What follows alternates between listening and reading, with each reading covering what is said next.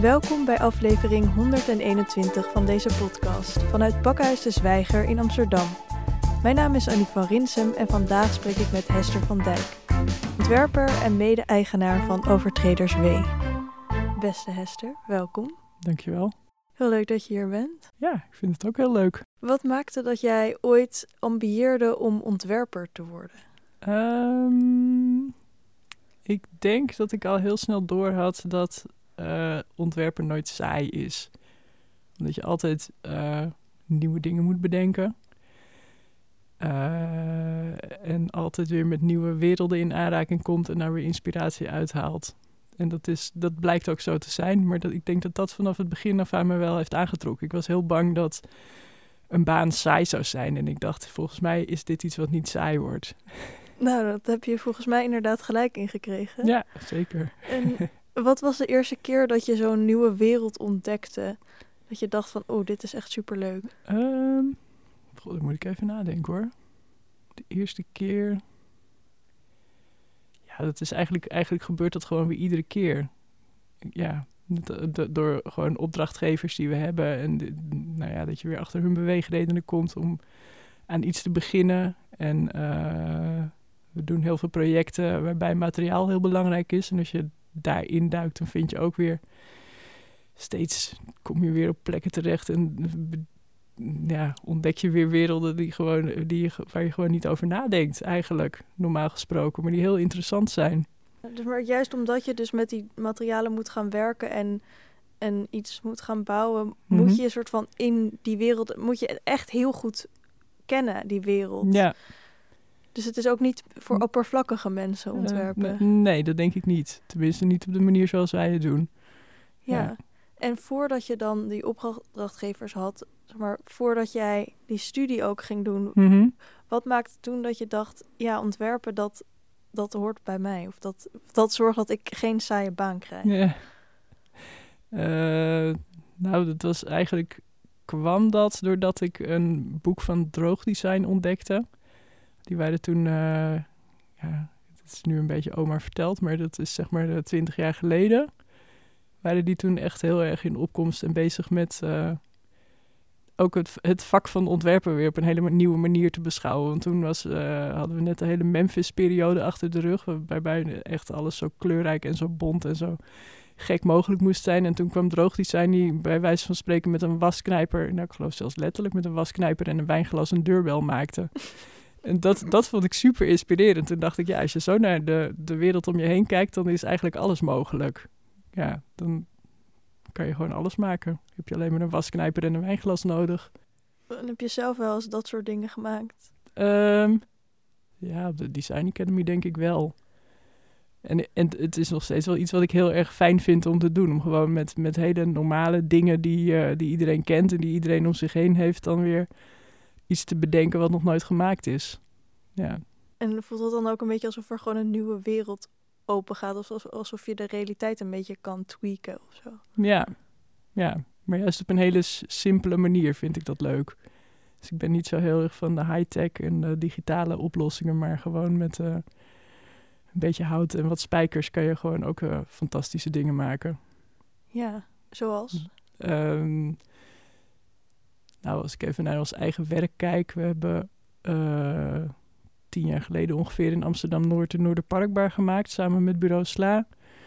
Eh, en toen hadden we bedacht van wat zou er nou gebeuren als we gaan proberen om een koffiebarretje te maken helemaal van spullen die we op Marktplaats kopen. Nou ja, simpeler en goedkoper en banaler bijna kan je het niet krijgen natuurlijk. Rommel van andere mensen die, die ze niet meer hoeven, maar dan denken, nou ja, wie weet geeft er iemand nog een klein beetje geld voor. Eh, dat wilden we toen gebruiken om een koffiebar van te maken. En? En dat is gelukt. Ehm, en toen we eraan begonnen, toen dachten we... Ja, we zeggen 100% marktplaats, maar waarschijnlijk is er vast wel iets wat we niet kunnen vinden en waarvoor we naar de, bark, naar de bouwmarkt moeten. Maar uiteindelijk hebben we echt nou, 99% van de materialen op een doosje schroeven en een pot lijm, geloof ik. Nou, hebben we echt op marktplaats gekocht, inclusief de verf en de wc-pot. Omdat ook mensen gewoon een doosje schroeven misschien denken van ja, dat moet ik, dat ga ik echt zelf nog wel gebruiken. nou, nee, ja, schroeven hadden we zelfs ook nog wel gekocht, maar we hadden op een gegeven moment een, een pistool gekocht, omdat we echt heel veel schroeven moesten indraaien. En toen daar, daar dat er was een heel specifiek eh, stripje met schroeven erin wat in dat apparaat paste. En toen de voorraad die bij dat apparaat zat op was, toen hebben we dat geloof ik bij de bouwmarkt gekocht. Oké, maar dat eerste, dat, dat, dat, pistool had hadden jullie wel van Marktplaats. Ja. Maar ja, dat was dan weer te high-tech eigenlijk voor jouw droombeeld. Ja, eigenlijk wel ja, omdat het dan weer te specifiek is. Ja. Dus hout en uh, verf en tegels kan je gewoon allemaal vinden. En het is dan wel altijd onze ambitie om met die tweedehands rommel iets te maken wat echt mooier is dan nieuw. Dus dat het er niet, het hoeft er niet per se houtje touwtje uit te zien. Maar als je niet het verhaal erachter niet kent, dan moet je ook uh, verwonderd raken gewoon door wat je ziet. En wat zijn de trucjes daarvoor om, om van allemaal rommel een heel mooi gestileerde koffiebar te bouwen? Um, nou, organiseren bijvoorbeeld en, en selecteren en heel streng zijn. Dus niet zomaar alles kopen wat, je, wat je kan vinden omdat het toevallig in de buurt te halen is. Maar soms dan zijn we wel uh, naar Deventer gereden voor uh, mooie groene tegeltjes bijvoorbeeld. En um, op een gegeven moment hadden we bedacht van we moeten dingen gaan gebruiken die heel generiek zijn. En waar dus een heel groot aanbod van is. Dus we hebben heel veel tweedehands ramen gekocht. Omdat het ja, aanbod van tweedehands ramen is gewoon enorm. Dus dan kan je ook kritisch zijn. En dan kan je precies, nou ja, in het begin gingen we vooral grote ramen kopen. En dan steeds een beetje kleiner. En op een gegeven moment hadden we natuurlijk gewoon tekeningen helemaal van de ramen op een bepaalde manier in elkaar gepuzzeld. En dan bleef er nog ergens een vakje over van uh, eh, 60 bij 75 centimeter. En dan gingen we net zo lang zoeken totdat we weer een raampje hadden gevonden wat precies in dat open vakje paste. wat geweldig. en de, de tegeltjes, we hebben gewoon alleen maar witte tegels gekocht voor achter de bar. En dan, nou ja, dat waren tien verschillende partijen met witte tegeltjes. Maar die hebben we dan in rijen op de wand geplakt. Dus een rij van het ene type en dan een, een volgende rij van een type wat weer net kleiner was. En dan weer een rijtje met grote tegels. En dan wordt het mooi. En, en, stond er echt helemaal niks of was er wel al een plek en hebben jullie dat aangekleed? Nee, we hebben, we, nee er stond helemaal niks. Dus we zijn begonnen met uh, drie frames van, uh, van die, ja, van die, uh, van die tijdelijke bouwunits. Bijvoorbeeld voor scholen of zo worden die vaak gebruikt. Gewoon van die lelijke grijze doosjes die je aan en op elkaar kan schakelen. En die zijn ook van Marktplaats? Ja, die hadden we ook op Marktplaats gekocht. Daar hadden we er drie van gekocht. En toen hebben we al dat lelijke uh, trespa, wat er normaal gesproken tegenaan zit, hebben we er helemaal van afgesloopt. En dan hou je gewoon um, ja, een rechthoekige balk over met op iedere uh, op de ribben, heet dat in de wiskunde, zit dan gewoon een grote stalen balk. Dus die kan je heel veel tegenaan bevestigen. Je kan ze ook op elkaar stapelen zonder dat het instort. Dus dat is handig. Dus die hadden we gekocht en dat zijn we helemaal gaan invullen met allerlei materialen. En zijn er eigenlijk ook nog nadelen aan alles van Marktplaats halen? Uh, ja, er zijn heel veel nadelen. Is het bijvoorbeeld goedkoper? Nee, het is niet goedkoper. Wel, de materialen die je koopt zijn wel goedkoper, maar het is natuurlijk super arbeidsintensief om er wat van te maken. En dat was toen haalbaar omdat wij gewoon wilden bewijzen dat we het konden en uh, zelf uh, met uh, tien mensen of zo er een half jaar fulltime mee bezig zijn geweest om alles op te halen en te schilderen en te verzagen en op elkaar te lijmen en alles. Maar stel je hebt zeeën van tijd, dan is het wel goedkoper. Ja, dan is het goedkoper, ja. En even, wat vind je het leuker, het proces van het maken of als het er uiteindelijk staat? Uh, ja, eigenlijk het proces van het maken wel. Ja, ik moet ook zeggen dat het soms wel een klein beetje een kater is hoor. Als iets dan af eh, is. ja, als een project waar je heel lang met hart en ziel aan gewerkt hebt, als dat dan af is. En dan, uh, ja, dan ben je natuurlijk ook heel trots. Of ja, ik ben dan heel trots dat het af is. Maar ergens heb ik ook zo'n gevoel van je ja, als mensen dan zeggen, oh, dit is echt heel knap dat jullie dat hebben gedaan, dan denk ik, ja, maar je weet niet half hoe knap, want ik kan het gewoon niet vertellen. Alle, alle moeite en alle pijn die erin zit om het zo te maken. Ja, en ga je er nog vaak koffie drinken? Nee, eigenlijk niet. Dat is wel grappig dat je dat vraagt, want we zijn er aan begonnen omdat uh, Reinder en ik, Reinder is mijn uh, compagnon van Overtreders W en Peter van Assen van Bureau Sla. Die woonden, wij woonden alle drie daar om de hoek. En Reinder en ik woonden samen. Peter kenden we nog niet. En toevallig waren wij los van elkaar naar de Noorderparkbar of de Noorderparkkamer toegegaan. Uh, en toen kwamen we, want dat was toen, twaalf jaar geleden, vijftien jaar geleden, de enige leuke plek in Amsterdam Noord ongeveer. En uh, zij wilde toen uitbreiden met een koffiebarretje. En toen riepen wij allemaal van, oh ja, dat gaan, gaan wij maken. Maar ook met het idee van, ja, leuk, want dan kunnen we eindelijk zelf koffie drinken hier in de buurt. Maar grappig genoeg, toen hij af was, waren wij ondertussen verhuisd naar Oost. Dus zelf kom ik er eigenlijk bijna nooit. Maar hoe lang is dit geleden? Uh, de oplevering was uh, 2012 alweer, ja. Wow, dus dat is... negen jaar geleden. Negen jaar geleden. Ja. Want je vertelde net al over uh, Overtreders W, wat je dus mm -hmm. samen met Reinder Bakker hebt opgezet. Ja. Um, waar staat die naam eigenlijk voor? Um, dit is een heel lang verhaal. Het komt uit een boek van Winnie de Pooh. Oké, okay, dat had ik niet verwacht. nee. er is een verhaal waar Knorretje in een holle boom woont en naast zijn voordeur uh, hangt een bordje Overtreders W. En er staat ook een tekeningetje bij en dan snap je dat het ooit een bordje was waarop stond overtreders worden gestraft. Maar dat bordje is al lang geleden afgebroken. En hij heeft dan een heel verhaal waarin hij vertelt van... ja, maar een overgrootvader, die woonde ook in deze holleboom. En die heette Overtreders Willem.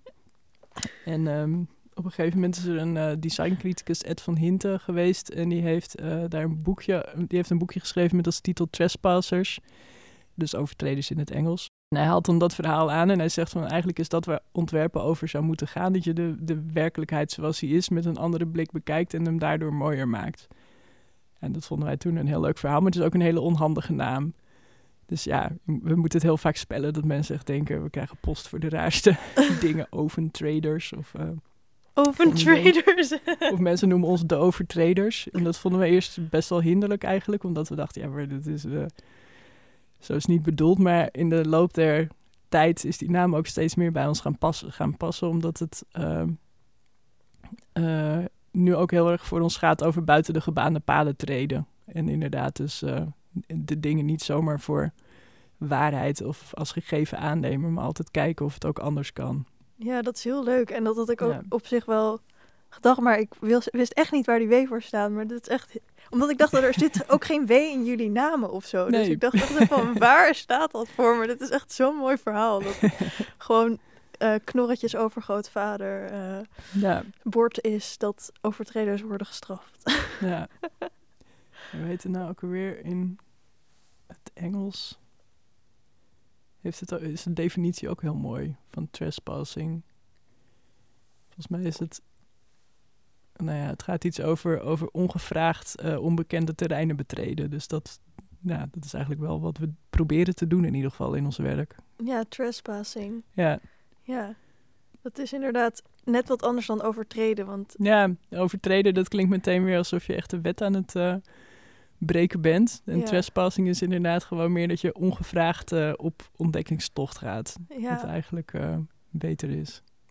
Nou, zo hebben jullie ook besloten om op ontdekkingstocht te gaan toen Amsterdam en Almere een prijsvraag uitschreven voor de Floriade Expo 2022 met als thema Growing Green Cities. Ja.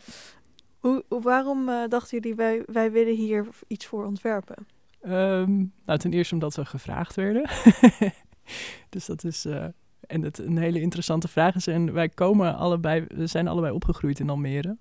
Dus dat maakt het nog eens extra leuk. En we wonen nu al heel lang in Amsterdam. Dus in die zin is het ook een uh, project dat heel goed bij ons past. En uh, wij vonden het heel interessant om hier bij dit project op zoek te gaan naar um, lokale biobased bouwmaterialen. Om te proberen of we dat hele paviljoen daarvan konden maken.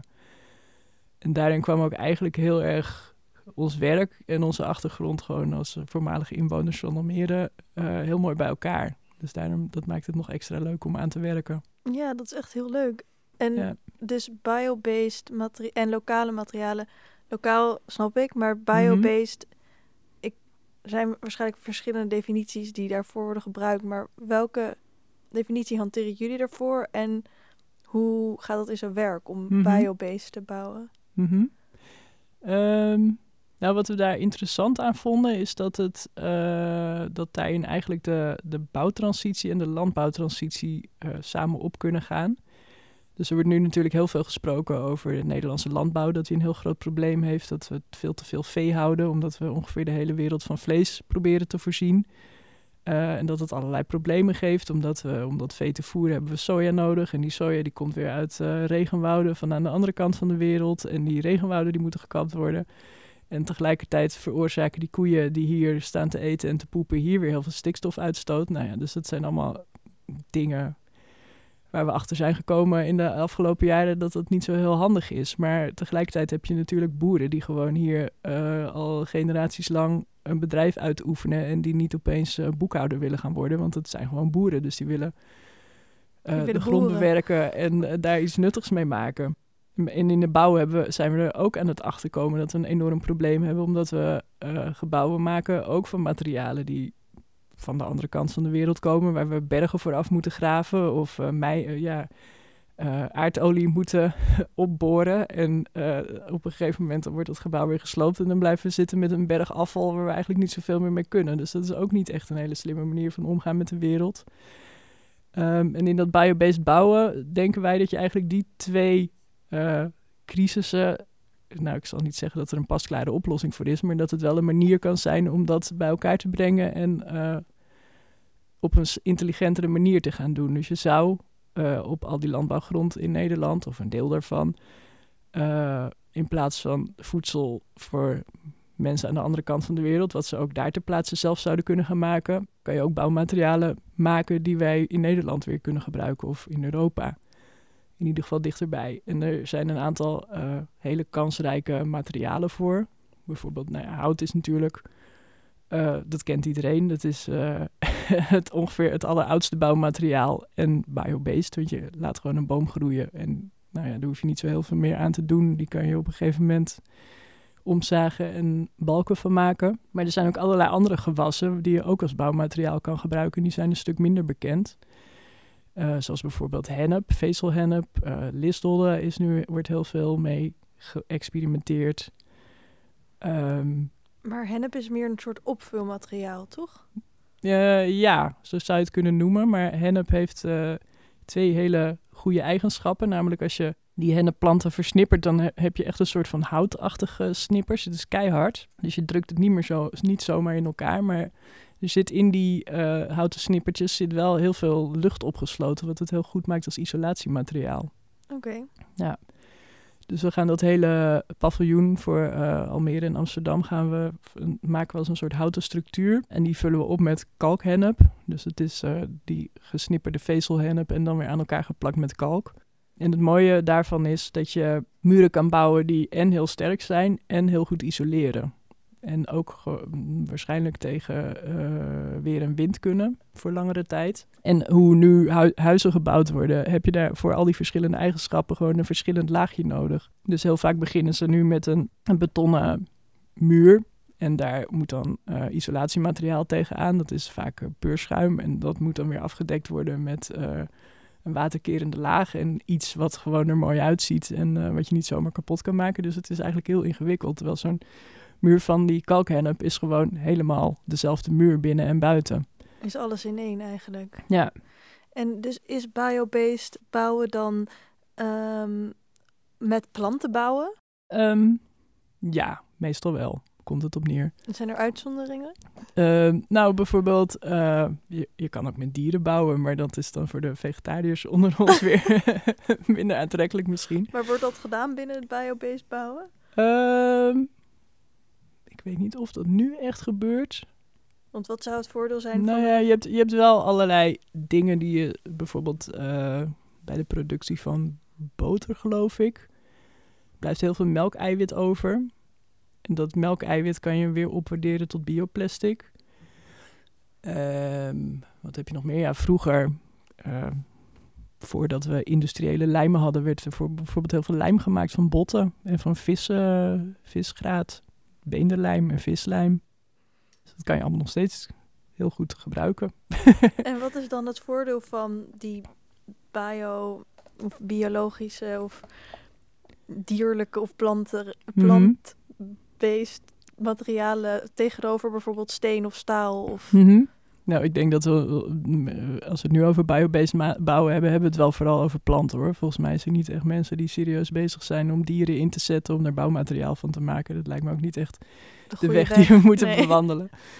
Maar um, Het voordeel daarvan, uh, ja, er zijn echt uh, verschillende voordelen. Dus bijvoorbeeld bij, uh, als je beton of staal wil gebruiken, dan komt er gewoon heel veel CO2 vrij bij de productie. Terwijl in bouwmateriaal van plantaardige oorsprong ligt die CO2 opgeslagen. Want ja, ja, je weet, neem ik aan, dat als een boom groeit, dan neemt hij heel veel CO2 op uit de lucht. En al die CO2 die zit gewoon opgeslagen in dat hout. En pas als die boom omvalt en wegrolt, dan komt die CO2 weer terug in de lucht. Dus dat is gewoon een, een kringloop die alsmaar doorgaat. Want dezelfde hoeveelheid CO2 die die boom ooit heeft opgenomen, die uh, komt ook weer vrij als hij wegrolt of verbrandt bijvoorbeeld. Maar als je die boom, uh, als je er een houten balk van maakt, dan blijft die CO2 gewoon in die houten balk zitten, zolang die balk een balk is. Zolang hij maar niet wegrolt. Ja, terwijl bij staal ja, dat moet je tot enorme temperaturen verhitten om dat om te smelten. En alleen al daarbij komt gewoon heel veel CO2 vrij. Plus dat uh, biobased bouwmaterialen zijn hernieuwbaar. Dus de hoeveelheid staal op aarde die is, die is eindig, want die komt uit mijnen. En op een gegeven moment is dat gewoon allemaal op. Weet niet of dat bij staal, ik geloof ik niet dat het nou echt, uh, dat we al aan die grens zitten, dat het echt een probleem gaat worden op hele korte termijn. Straks dan ja, precies. Maar, bijvoorbeeld, ja, aardolie raakt wel op. En plastic is gemaakt uh, nu meestal van aardolie. Dus dat is uh, op een gegeven moment houdt het gewoon op te bestaan. Terwijl je kan altijd een nieuwe boom planten. Ja, je kan altijd weer nieuwe bomen planten. Mits de grond vruchtbaar genoeg blijft. Ja, ja precies. Okay. Um, en het derde uh, wat goed is aan biobased bouwen is als je tenminste niet mengt met vieze chemicaliën dat je het ook gewoon weer kan laten composteren. En dan uh, is het weer voeding voor nieuwe bomen en planten. Ja, dat klinkt allemaal heel goed. En ik denk dat het dan het eerste wat in mij opkomt als nadeel is, is het brandveilig. Ja. Um, dan moet ik even de goede dingen daarover zeggen. Nou ja, hout is gewoon. Uh, dat wordt natuurlijk al heel veel gebruikt in de bouw.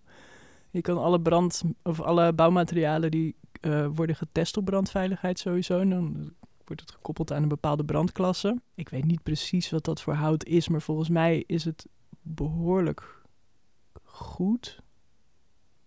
In vergelijking, ja, staal is bijvoorbeeld dan ook weer problematisch, omdat staal heel snel, uh, als het te heet wordt, dan wordt het ook slap en dan verliest het zijn sterkte. Wat natuurlijk dan ook weer niet handig is als je het uh, als constructie toepast. Dus staal, als je dat echt als constructief materiaal wil gebruiken, maar nu wordt het heel specialistisch architectuurkennis, die ik ook niet helemaal 100% paraat is, aangezien ik heb, aangezien ik geen architect ben. Maar volgens mij moet je staal eigenlijk altijd inpakken weer in een ander materiaal, juist vanwege de brandveiligheid. En, uh, ik denk dat de associatie bij mij gewoon hout en brand, omdat hout wordt gebruikt ja. om vuur te sto- mm -hmm. vuurtjes te maken. Ja, maar volgens mij omdat ja, het is nog helemaal niet zo makkelijk om echt een dikke balk in brand te steken. Dus er zijn allemaal die brandveiligheidstests, die gaan er bijvoorbeeld over hoe lang het duurt voordat iets zelfstandig door blijft branden. En dat duurt volgens mij bij hout best wel lang. En bij hennep? Um, nou, bij hennep, uh, als je alleen maar die vezels zou gebruiken, dan zou dat waarschijnlijk niet zo gunstig zijn, omdat het ook hele kleine snippertjes zijn. Maar als je het helemaal inpakt in dat kalk, dan is het het geheel van kalk plus hennepvezel is heel brandveilig. Hoe is die ontdekking tot stand gekomen dat dat een, een heel bruikbaar iets is? Of is dat iets wat eigenlijk al heel lang geleden ook werd gebruikt? Uh, ja, volgens mij is er nu uh, weer nieuwe aandacht voor uh, kennis die op zich al heel lang bestaat. En het ja. bouwen met kalkhennep, ik weet niet echt of dat nou historisch gezien ook gedaan werd, maar bijvoorbeeld in, in vakwerkhuizen is, is dat samenwerken tussen plantaardige vezels en kalk is wel iets wat al heel lang werd toegepast. Dus bij vakwerkhuizen heb je gewoon een houten raamwerk. Dat is ook een hele grote inspiratiebron geweest voor uh, het paviljoen dat we nu maken. En uh, dat wordt dan vaak ingevuld met bijvoorbeeld een, een mat van wilgetenen gevlochten. En dat wordt dan weer afgestuukt met kalk. Dus vroeger werd er ook wel op die manier gebouwd. Maar of het echt al met die snippers en die kalk door elkaar en daar dan muren van, dat weet ik niet. Dat is denk ik meer vanaf de jaren zeventig. En ja, er is nu wel in de architectuur wel vrij veel aandacht voor dat materiaal. Omdat het gewoon best een aantal goede eigenschappen heeft. Wat ook wel interessant is om te vertellen is dat wij toevallig voordat we bij dit uh, project van de gemeente Almere in Amsterdam betrokken raakten, hebben we al samen met de onkruidenier een onderzoek gedaan naar uh, bouwen met onkruid. Oké. Okay. de onkruidenier, dat zijn Jomar van Vlijmen, Ronald Boer en Rosanne van Wijk. En die hebben heel veel kennis over de ongewenste natuur eigenlijk. Of, ja, wat, dus wat Onkruid. mensen vaak als onkruid zien, ja. Terwijl, maar ben jij het niet mee eens? nee, want ik ken hun inmiddels langer dan vandaag.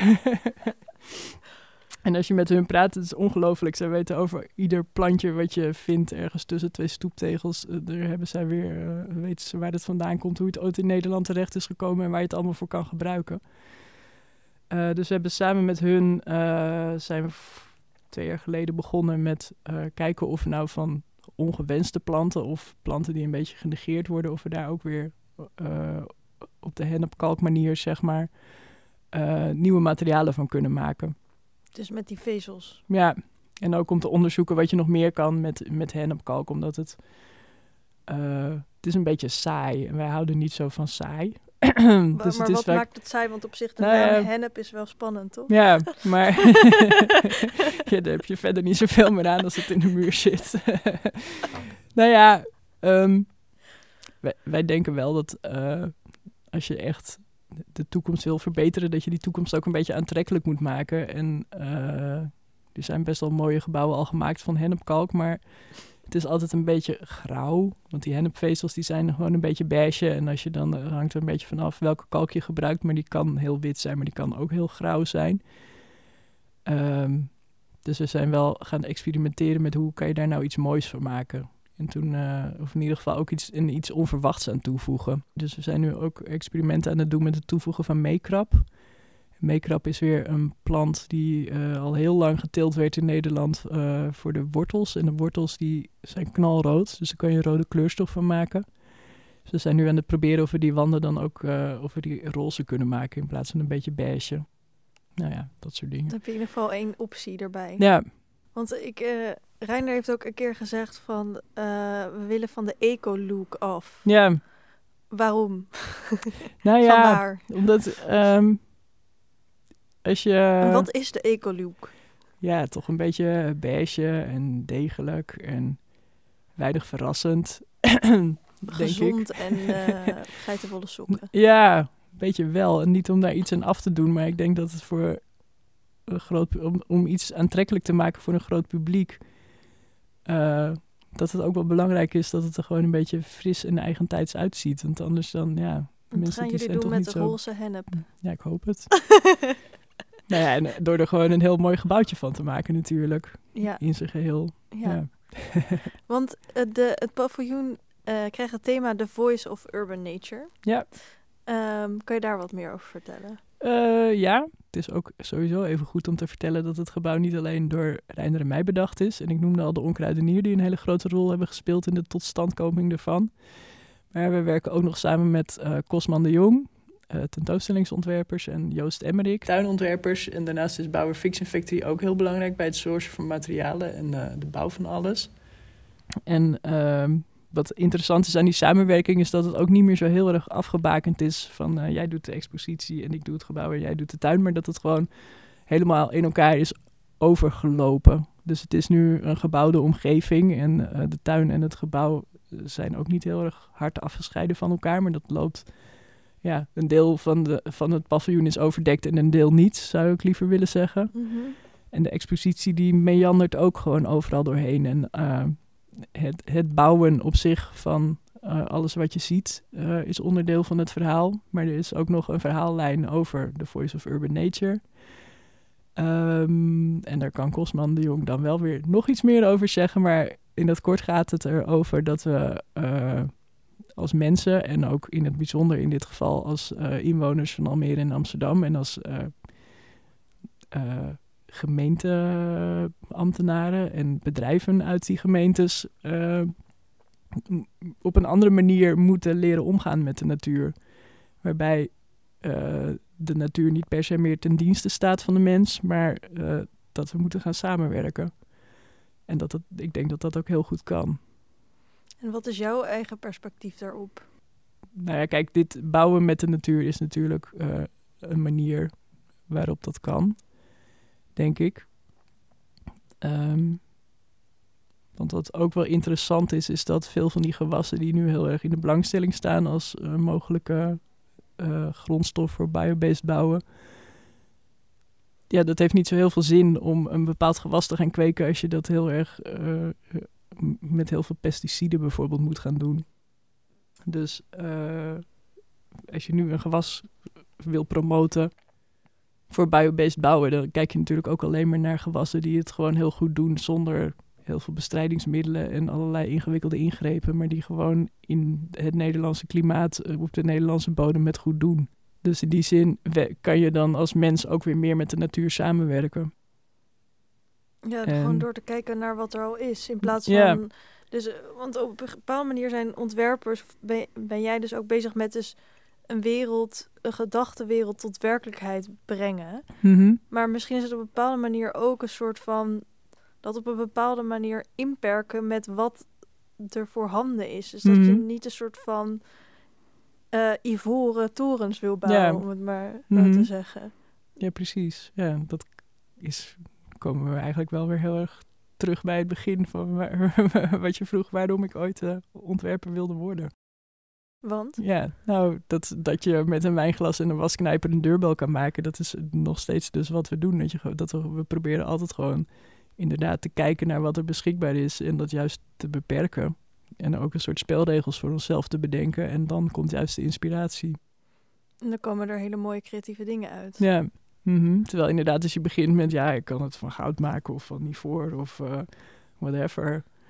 Dat is ook makkelijk dan uh, kan je, ja... Dan, ja, dan is het makkelijk, maar ik, zou, ik word dan ook meteen weer... Uh, ja, dan heb ik toch weer een andere houvast nodig, denk ik.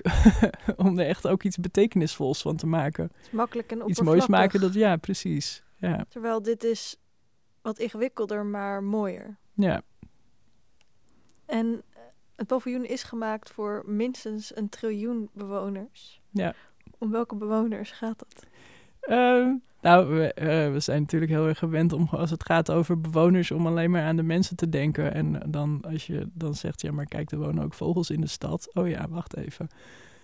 Dat, uh, dat snappen de meeste mensen nog wel. Maar dat er een enorm bodemleven is en allerlei micro-organismen en piepkleine waterbeestjes. Dat, en dat, dat die in getalsmatig en volgens mij ook in gewicht zelfs ons mensen uh, enorm overstijgen. Dat uh, is een besef wat nog niet heel veel mensen hebben, denk ik.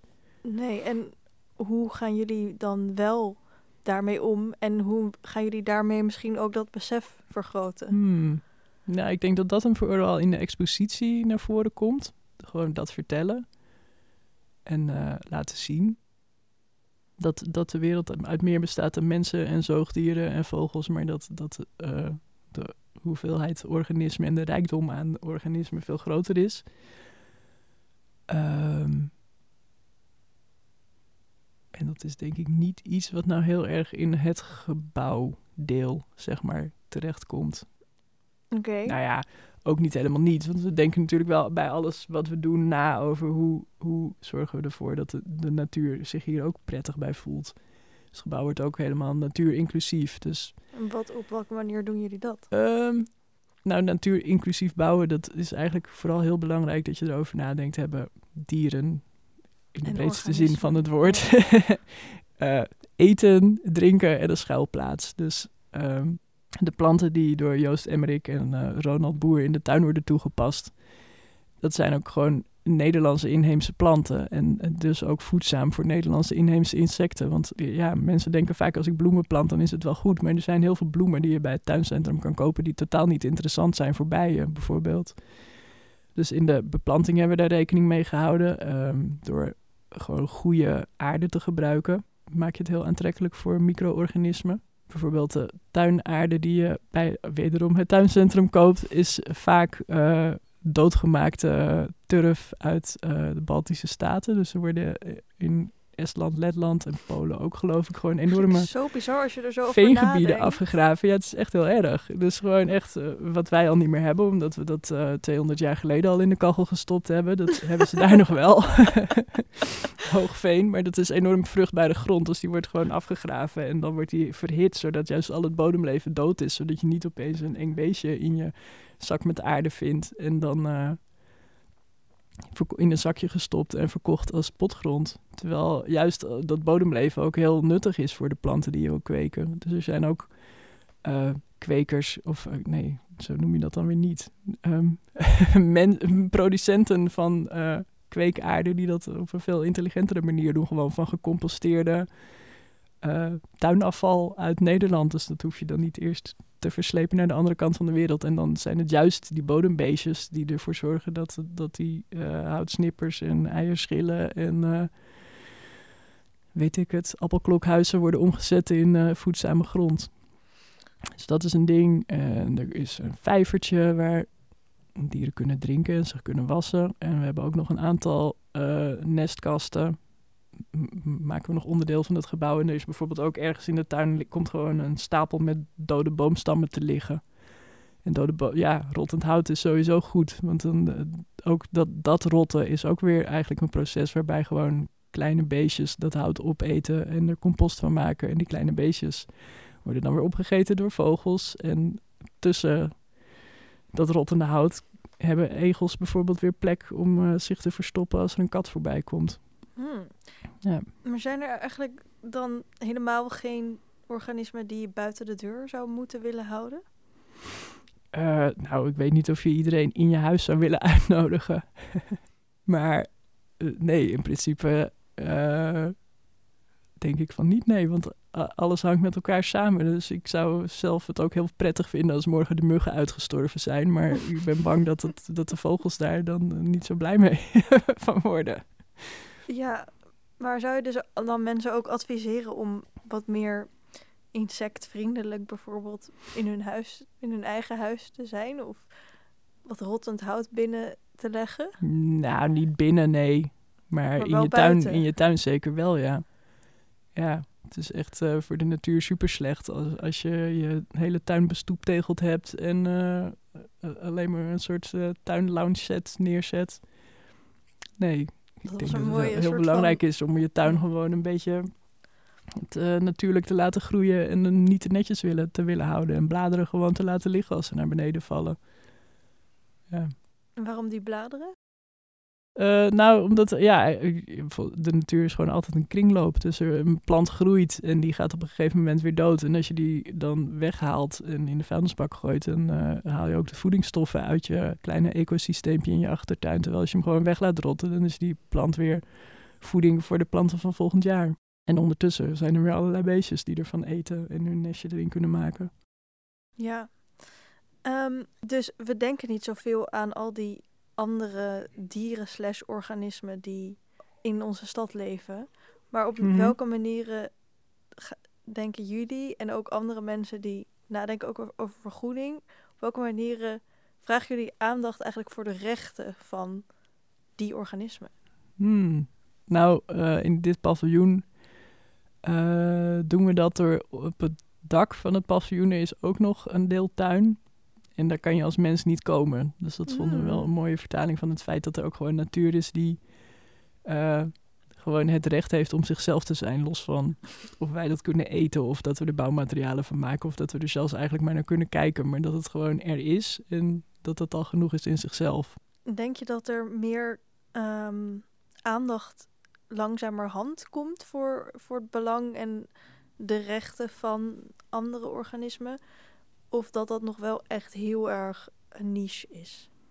Mm, ja, dat, is, dat vind ik moeilijk te zeggen, omdat in mijn niche is dat er wel, zeg maar. Maar ik weet ook wel dat het, dat het wel een niche is. Maar ik denk dat het, ja, Maar is in ieder geval al een niche. ja. En ik denk dat het van levensbelang is dat we, dat we daar meer over na gaan denken. Want het gaat niet zo heel goed met de wereld, denk ik. En dat, eh, dat besef begint wel steeds eh, breder door te dringen. Ja. Ja. En heb je ook het idee dat zo, als jullie maar genoeg die niche blijven voeden, zeg maar. Dat Mhm. dat dan ook meer uit gaat stralen naar het grotere ontwerp en architectuur. Ja. Dat denk ik toch wel, ja. Ja. Soms dan denk je eh, wel eens van, eh, wij zijn, eh, wat, wat doet dat ene kleine paviljoentje in Almere er naartoe? Maar we merken, hebben wel gemerkt in de afgelopen 15 jaar dat we nu aan het werk zijn, dat ideeën die wij dan 10 of 15 jaar geleden hadden en dan zeiden de, de- dat die toen echt heel erg raar gevonden werden, maar dat het nu al veel meer mainstream is. Wat voor ideeën waren dat dan toen? Eh, nou, bijvoorbeeld, om weer even terug te komen bij die Noorderparkbar. Dat wij toen dat wilden gaan bouwen met tweedehands bouwmaterialen, werden we echt voor gek verklaard. Want iedereen zei van, ja, maar waarom dan? Wordt het dan goedkoper? Dus wij, nee, we denken niet dat het goedkoper wordt. Ja, maar waarom zou je het dan doen? Nou ja, omdat het gewoon zonde is om altijd maar alles nieuw te willen hebben. En terwijl er al heel veel overvloed is van materialen die ook bruikbaar zijn. Dus waarom zou je die dan weggooien en liever iets nieuws gebruiken? Nou, dat, dat besef, dat, dat vonden mensen vooral gewoon heel raar dat we dat deden. Beetje Terwijl nu als we- waren jullie toen? Ja, terwijl als we nu eh, een, eh, een paar jaar geleden moesten we eh, bij de commissie Welstand een gebouw laten zien wat we hadden ontworpen. En dat was toen, hadden we wel slim over nagedacht. En we hadden, we hadden echt goed bedacht hoe we die grondstoffen op een eh, intelligente manier konden inzetten. En zo min mogelijk afval zouden gaan produceren. Maar toen kregen we als commentaar, ja, ja, we vinden het wel heel mooi en zo. En we snappen hoe het werkt en het ziet er echt goed uit. Maar het is eigenlijk bijna te mooi. Waarom doen jullie niet meer iets met, eh, waarom doen jullie niet meer met tweedehands materialen? Dus toen was het precies de andere, eh, Andere ja, kant. Ja, de andere kant. Dus dat begint wel door te dringen, denk ik. En nu is het, nu is het inderdaad, ja, het doet, het doet heel veel mensen doen dingen met tweedehands materialen. Ja, Dat is op zich wel hoopvol. ja. Maar ook ergens wel weer irritant dat het dan zo... Ja, echt een beetje bijna een soort van hype moet zijn Mhm. voordat, het, Ja, voordat er naar Ja. geluisterd wordt. En het is dan ook weer dat je bang bent van, ja, straks is daar de, de lol weer vanaf. En dan gaan we weer alles eh, van roze spaanplaat maken, bij wijze van spreken. zijn we weer terug bij af. Ja, denk je dat dat zou kunnen gebeuren? Ehm, nee, ik denk het eigenlijk niet. Maar ik ben ook gewoon eh, een optimist wat dat betreft. Ja, Ja. oké, nou dan eh, doe ik met je Ja, mee. Ik hoop alleen dat het, dat het genoeg is, zeg maar. Want we zijn natuurlijk wel gewoon steeds met veel meer mensen. In de 40 jaar dat ik leef is de bev- wereldbevolking geloof ik eh, bijna verdubbeld. Of anderhalf keer zo groot geworden. Dus Ja. ja. ja, ik weet het niet. Ik ben benieuwd. En alle, ja, de welvaart neemt toe. En dat is natuurlijk ook logisch, want niet, niemand wil in armoede leven. Dus ik hoop dat we al die groei, dat we dat op een duurzame manier kunnen doen. Jij Ja. bent er in ieder geval al goed mee bezig. Ja, we doen ons best. Maar dus al negen jaar geleden, of ik weet niet, misschien tien jaar geleden, want misschien waren jullie eerder begonnen, zijn jullie al bezig geweest met zo'n plek eh, van allemaal marktplaatsdingen bouwen. Mhm. En dat was dus een hele grote tijdsinvestering. Maar blijkbaar was Ja. het toen voor jullie al de moeite waard om, Mhm. om jullie tijd daarin te Ja. steken. En, en ik denk dat dat ook in deze tijd vaak ontbreekt. Dat, dat mensen heel erg bang zijn om hun kostbare tijd is geldtijd te verliezen. Mhm. En zie je daar nu verander verandering in? Ja, dat weet ik niet of dat echt daardoor komt. Ehm, maar die zoektocht naar een slimme manier van bouwen is bij ons ook heel erg gekomen omdat we heel veel tijdelijke paviljoens hebben gemaakt. En ook voor festivals bijvoorbeeld. En als je een architect bent en eh, gebouwen maakt waarvan je niet weet hoe lang ze blijven bestaan, dan kan je jezelf heel makkelijk wijsmaken dat er geen eindtijd aan zit of dat ze 100 jaar blijven staan. Terwijl dat helemaal niet het geval is. Ehm, maar als je, als je een gebouw maakt voor een festival wat maar negen dagen blijft staan, dan is het opeens heel erg duidelijk dat je na negen dagen of na een week of na drie dagen eh, een enorm probleem hebt. Als je gewoon maar iets doet en er niet over nadenkt waar je die materialen vandaan haalt en wat je er weer mee kan doen nadat het festival is afgelopen. Want dan kan je een container laten komen en dan gooi je alles erin en dan is het opeens afval. En dan, ja, dus dat is wel voor ons ook aanleiding geweest om eh, gewoon op een hele andere manier over bouwen en materialen na te gaan denken. En eh, wat ons betreft zou de volgende stap zijn dat we die kennis eh, en die manier van denken steeds meer gaan toepassen in tussen aanhalingstekens permanente architectuur. Want architectuur is bijna nooit permanent, denk ik. Ja, misschien wordt het ooit een opgraving van een archeoloog, maar zo permanent. Mhm. Permanenter dan dat wordt het ook niet. Mhm. Nou ja, de piramides van Cheops die gaan al best lang mee, maar Oh, niet ja. meer precies waar ze voor bedoeld zijn. Goeie. Ehm paviljoen is dus ook eh, demontabel. Ja. Dus het is niet alleen de bedoeling dat het, dat het prima afval oplevert, maar ook Mhm. dat het gewoon ergens anders kan voortbestaan. Ja. Ehm, hoe werkt dat? Hoe bouw je zoiets? Eh, nou, het is helemaal modulair opgebouwd. Dus eh, het bestaat uit puzzelstukjes die uit elkaar kunnen en weer in elkaar, zeg maar. Nou, grote puzzelstukken. Ehm, en dat is op zich ook niet nieuw, want je hebt bijvoorbeeld eh schottenketen. Dat zijn van die, van die schuurvormige gebouwtjes, zeg maar, die vaak bij bouwplaatsen staan. Of je hebt, wat ik eerder al zei, die, die container units voor tijdelijke schoollokalen. En dat, die zijn allemaal wel demontabel, maar die zijn dan weer echt zo slecht gebouwd dat je ze eigenlijk gewoon, ja, je kan ze weer verplaatsen, maar dat gebeurt eigenlijk bijna nooit, omdat het dan eh, toch al niet eh, goed meer is. En het is ook allemaal gemaakt van plastic en peurschuim en ja, slecht materiaal. Dus ehm, dat het een demontabel gebouwtje is, eh, dat was iets wat wij ook heel. Dat was en de vraag van de opdrachtgevers. Omdat die ook dachten, ja, het is wel ook een beetje zonde om voor een half jaar iets heel moois te gaan maken. En dat dan weg te gooien, ook al ga je slim met je afval om. Dus eh dat was ook de nadrukkelijke vraag dat dat eh, gebouwtje gesplitst kan worden. En een deel komt in Almere terecht en een deel komt in Amsterdam terecht. Maar dat was ook iets waar wij ook al langer mee bezig waren. Gewoon als overtrederswee, omdat we best vaak eh, vergelijkbare vragen krijgen van eh, mensen die dan... eh, vorig jaar hadden we bijvoorbeeld tegelijkertijd drie klanten... die dan een restaurant en een yogacentrum en een ja, soort tijdelijke expositie wilden beginnen. Maar dan wel allemaal voor een jaar of twee of een jaar of vijf. Maar dan zou het ook weer weg moeten. Dus dat een soort van slimme demontabele oplossing waarmee je voor die termijn iets kan maken en dat je dan daarna weer kan verplaatsen. Of eh, als het niet meer voldoet, dat je het op een fatsoenlijke manier kan weggooien. Daar waren wij ook al langer mee bezig. Ja. En maar dus in concrete zin, ja, hoe ziet dat eruit van Ja. die, van die Nou, het is nu, ja, dan moet ik helemaal gaan uitleggen hoe het nu gemaakt is. Dus we maken dat hele paviljoen nu eigenlijk van een soort grid van kolommen.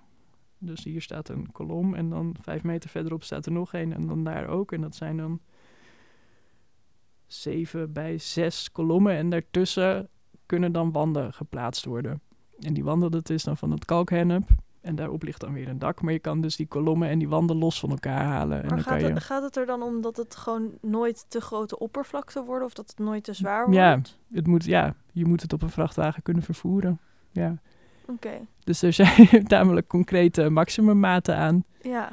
Dus op een dieplader. Dus dat is ook meteen de begrenzing van de maat van dit paviljoen. Dat de wanden die konden niet hoger dan 3,45 meter. Want anders dan past het niet meer op een dieplader. En dan eh, kan je het niet meer verplaatsen. Maar is dat dan niet wel een beetje zonde van het ecosysteem dat daar ook een beetje hopelijk gaat ontstaan? Want het, is, Mhm. het paviljoen is ook gemaakt voor al die, eh, al die organismen. En ik neem Ja. aan dat die niet mee verhuizen. Ehm, nee, dat is een goede vraag. Kijk, we hopen dat die organismen daar ook echt daadwerkelijk iets gaan doen. Maar het is natuurlijk sowieso, eh, duurt die Floriade zeg maar één zomerseizoen. Van april tot oktober. En daarna eh, komt de natuur ook alweer veel meer tot rust. Dus heel veel vogels die trekken naar het zuiden. Insecten gaan gewoon dood. Die hebben hun eitjes gelegd. En dan eh, volgend jaar eh, nieuwe ronde, nieuwe kansen.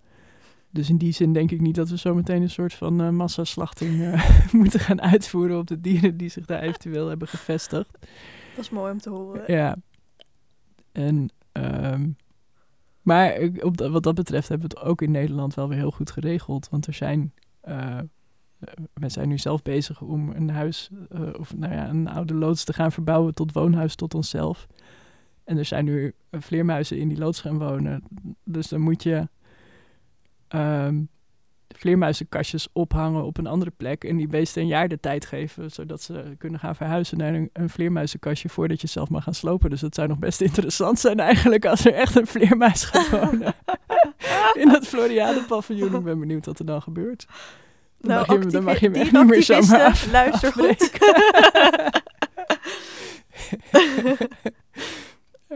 nou, eh, wie weet. Tot slot, als jij de groene stad van de toekomst eh, mocht ontwerpen slash Mhm. voorstellen, hoe zou die er dan uitzien? Ehm, nou, ik hoop dat we, dat we met dit paviljoen een beetje een aanzet geven van hoe dat eruit zou kunnen gaan zien. En dat materialen dus heel anders eh, eruit kunnen gaan zien. En dat het. mm, ja, kijk, het is natuurlijk heel moeilijk om hier nu een concrete antwoord op te geven. Maar je mag heel groot denken, want het is een Eh, gedachte-experiment. ja. Nou, ik hoop in ieder geval dat we, dat we iedereen die bouwt, niet alleen in Amsterdam en Almere, maar in heel Nederland, of die, iedereen die daarover nadenkt en de Floriade komt bezoeken, dat we die kunnen inspireren tot eh, in ieder geval daarover nadenken. En gewoon bij alle eh, stappen die je zet, erover nadenkt hoe je de natuur kan meer ruimte kan geven in plaats van minder. Dus ik vind het bijvoorbeeld heel gek. Ik woon eh, dus op de Middenweg in Amsterdam-Oost. En vlak naast mij is net eh, een pand gesloopt en er wordt weer een nieuw pand gebouwd. En dat heeft, een, een- nou ja, ten eerste was er bij ons achter een hele wilde binnentuin met prachtige bomen en struiken, met egeltjes, met vleermuizen. Nou, alles omgezaagd en alle dieren weg, dood, weet ik niet. Terwijl dat helemaal niet nodig was, want dat is niet de plek waar ze gaan bouwen. Maar dat nieuwe pand wat er gebouwd wordt, dat is ook gewoon heel erg conventioneel. Met een enorm oppervlak aan dak en er liggen niet eens zonnepanelen op. Ja, eh, dat is dan toch wel het minste wat je kan doen. Of maak het gewoon verplicht dat alle nieuw gebouwde daken, dat dat groene daken zijn. Bijvoorbeeld, je kan zoveel doen om de natuur gewoon meer ruimte te geven, ook in de stad. Duidelijk. Ja, Heel veel dank, Hester van Dijk. Graag gedaan. Beste luisteraars, dit was aflevering 121 van de podcastserie van Pakhuis de Zwijger. Voor meer groene inspiratie en programma's kijk je op het platform wemakethecity.green. Een rating achterlaten of je abonneren op deze podcast kan via SoundCloud, Spotify, Apple Podcast of een ander podcastplatform. Dank voor het luisteren en tot de volgende keer.